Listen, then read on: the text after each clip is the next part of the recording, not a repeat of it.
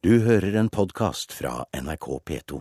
Programleder i Politisk kvarter, Bjørn Myklebust. I hele Norge pågår knallharde kamper for å komme på Stortinget. Ja, og i dag gir vi deg redskapet du trenger for å følge innspurten. I alle partier, i alle fylker. Du trenger bare å skru på datamaskinen.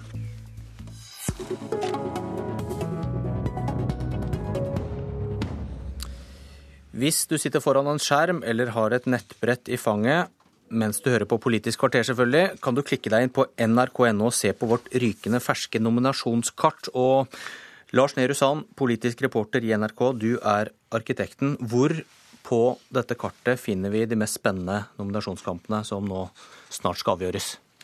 Spesielt i tre fylker i uh, Vest-Agder vil vi jo allerede denne uken få svaret på om uh, Knut Arild Hareide får beholde sin nestleder Dagrun Eriksen på Stortinget, eller om Hans Fredrik Grøvan, tidligere Lyngdal-ordfører, får, får, den plassen. Det skal nominasjonsmøtet avgjøre denne uken her, og går det som man tror, så blir Eriksen vraka, men her kan veldig mye skje de siste timene. Det lobbes selvsagt i begge leirer. Så er det en strid vi ikke har brukt så mye tid på eh, nasjonalt i Troms Arbeiderparti, hvor eh, to av regjeringsrådgiverne, Martin Henriksen og Roger Ingebrigtsen, kjemper om en eh, førsteplass eh, sammen med en eh, lokal ordfører. Der handler kanskje ikke så mye om alder, men veldig mye by mot land, eller som det ofte blir i Troms, Tromsø mot Røkla. Og så er det sånn at det er eh, flere interessante eh, kamper i Oslo og i Troms Fremskrittsparti så er det også to eh, menn som kjemper om førsteplassen. Du, Arbeiderpartinominasjonene skulle jo kuppes av enkelte LO-lag som, som, hevn for vikarbyråstriden. Hvordan, hvordan ser det ut til å ende? Når vi nå ser innstillingene fra nominasjonskomiteene, så er det lite å spore av eh, den eh, omfattende striden varslet tidligere i år. Både i eh, Nord-Trøndelag med Arild Stokkan Grande, ikke minst i Hedmark med Knut Storberg og Nette Trettebergstuen, så blir de innstilt på sikre plasser. Det samme med med, i Østfold og Vestfold.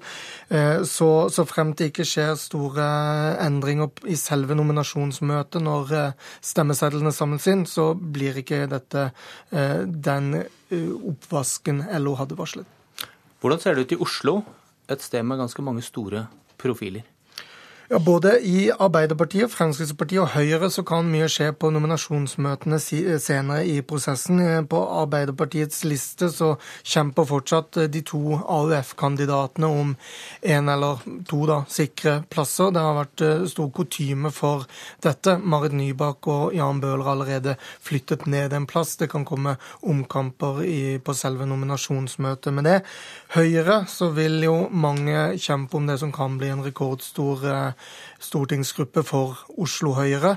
Så hvem som blir de siste, eller får de siste sikre plassene, blir det seniorkandidat. Eh, Inge Lønning, Astrid Nøkkelby Heiberg har meldt seg på.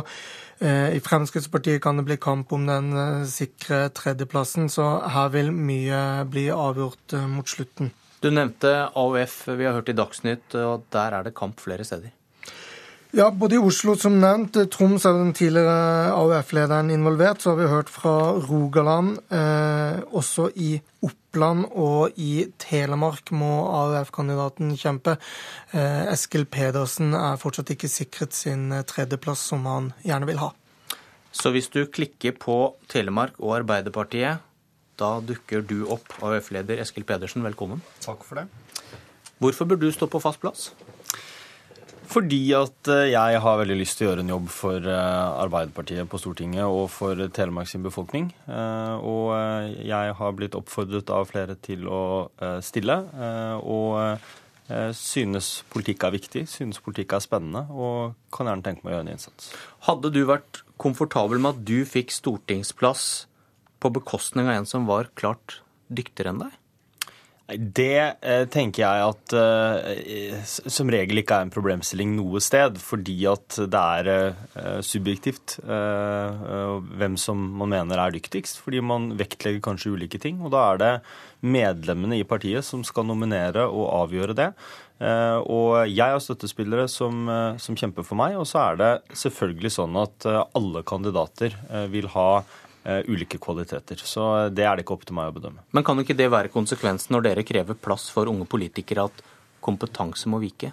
Nei, fordi at uh, jeg er veldig opptatt av at vi får stortingslister som er representative for befolkningen. Og uh, det kan kanskje uh, nesten bare Arbeiderpartiet, som er et så stort parti med flere plasser fra de fleste fylker, være med på å bidra til. Vi kan ha med unge, vi kan ha med eldre, og vi kan ha med middelaldrende, og vi kan ha med folk med begge kjønn og med ulik bakgrunn. Og det er jo en viktig oppgave som de ulike fylkespartiene til mitt parti må sørge for for. Uh, ungdom uh, har uh, en viktig plass på Stortinget, mener jeg, fordi de kjenner f.eks. skolen mye bedre enn noen andre, fordi de har det friskt i minne. De har mye tettere kontakt med ungdomsbefolkningen, og det er viktige stemmer å ha på Stortinget. Men vi trenger folk med ulik bakgrunn. Bør AUF-ere få plass på Stortinget fordi dere er blitt generasjon Utøya? Nei, det mener jeg ikke. Eh, det er jo sånn at eh, jeg tror eh, folk etter 22.07. i fjor har sett hvor flotte mange unge i politikken er, hvor sterke stemmer de er. Jeg tror de har imponert veldig mange mennesker med sin klarhet, med sin styrke. Men det viser bare at ungdom er en viktig del av politikken, og dermed bør de også være representert på listene. Men jeg tror det ingen steder er det noen som har krevd plass på listene fordi de tilhører 22. Eh, juli-generasjonen eller var på Utøya. Der skal vi selvfølgelig ha et veldig tydelig skille. Eh, men eh, at ungdom i mitt parti, AUF-erne, Eh, har vist eh, veldig eh, altså vist seg fra en veldig flott side og fortjener tillit. Det mener jeg det ikke er noen tvil om. Og AUF har også blitt en større organisasjon. Vi representerer veldig mange av medlemmene i Arbeiderpartiet, og det skal selvfølgelig også telle inn i nominasjonsprosessene. Hva er det med Arbeiderpartiet som gjør at unge sliter med å nå opp? Jeg er jo ikke helt enig i den beskrivelsen, for det er jo et uh, mer blanda bilde rundt omkring i landet. Det er allerede mange AUF-ere som har blitt nominert også på sikre plasser. Eh, men vi får først fasiten når alle nominasjonsprosessene er gjennomført, eh, og det kan gå begge veier. Det kan bli bra utgangspunkt for AUF med unge høyt opp på listene, men det kan også bli altfor få. Og min jobb som AUF-leder er jo å være veldig tydelig på at jeg mener det er viktig at AUF-erne er nominert på sikre plasser rundt omkring i hele landet. Det må fylkespartiene ta ansvar for, og det forventer jeg at, de gjør. og Eh, det er eh, tøffe kamper mange steder. Jeg håper AUF-erne går seirende ut av de. Når blir din kamp avgjort? Eh, vi har nominasjonsmøte 24.11, så da får vi fasiten. Takk, Eskil Pedersen.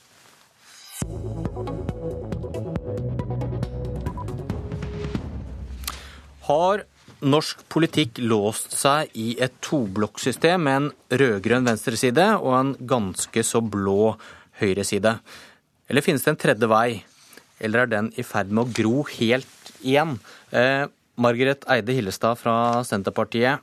Forum for sentrumspolitikk har et av sine relativt sjeldne møter i kveld. Er det kunstig åndedrett dere driver med? Nei, det mener jeg så overhodet ikke. Jeg tror dette her er noe som, som, velgerne ønsker. De ønsker ikke et eh, topartisystem. De ønsker, også, de ønsker valgfrihet også i politikken. Noen kan jo bli veldig sinte over slike forsøk på å undergrave et rød-grønt samarbeid? Dette er ikke noe forsøk på å undergrave noe som helst. Dette er et forsøk på å styrke en stemme i, i det politiske livet som kommer fra den tradisjonen som sentrumspartiene representerer, nemlig avholdsbevegelsen. Målrørsla og lekmannsbevegelsen.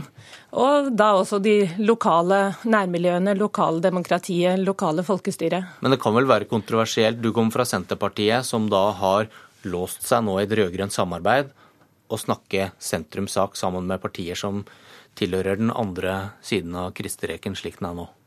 Jeg ser ikke det sånn. Jeg ser det som en mulighet for velgerne til å kunne, kunne også støtte opp om sentrumspartiene. Og jeg tror det er viktig at det finnes partier som kan sjonglere litt mellom høyre- og venstresiden i norsk politikk. Ditt parti, Senterpartiet, vil hevde at regjeringen fører mye god sentrumspolitikk, Og KrF og Venstre vil garantert hevde det samme hvis de kommer i regjering med Høyre eh, eller Frp.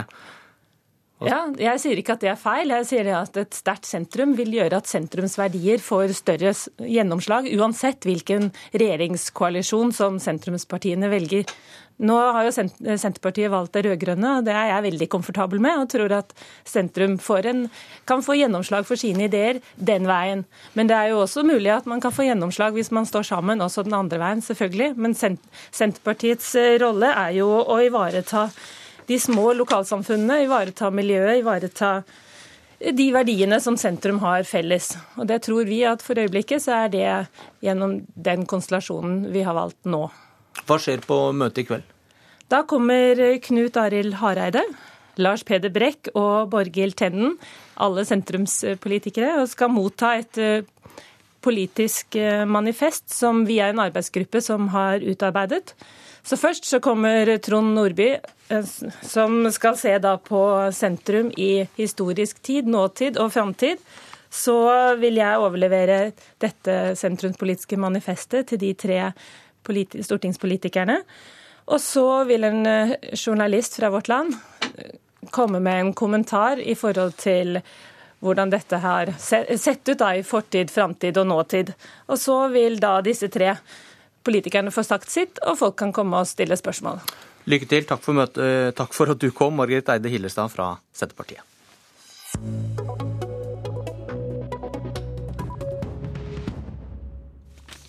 I Stavanger diskuteres politikerlønninger. For politisk arbeid på fritiden kan betalingen bli den samme som en sykepleier får i årslønn.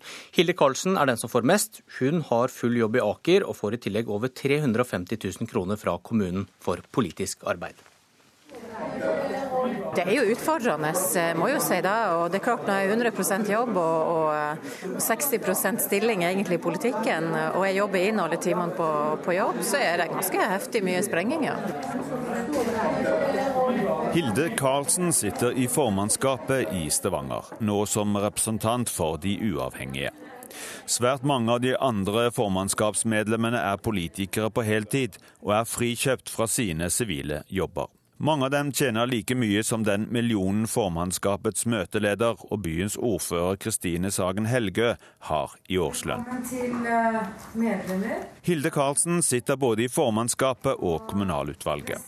Det alene gir en inntekt eller godtgjørelse på nær 250 000 kroner.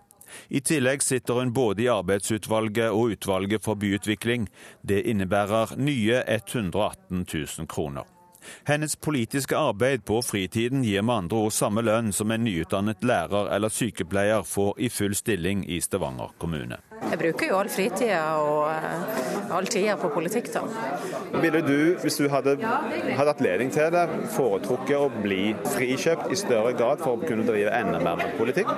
Ja, altså jeg uh, søkte jo partiet om å få 20 frikjøpt. Det fikk jeg jo uh, avslag på. Dermed så har jeg jo 100% stilling.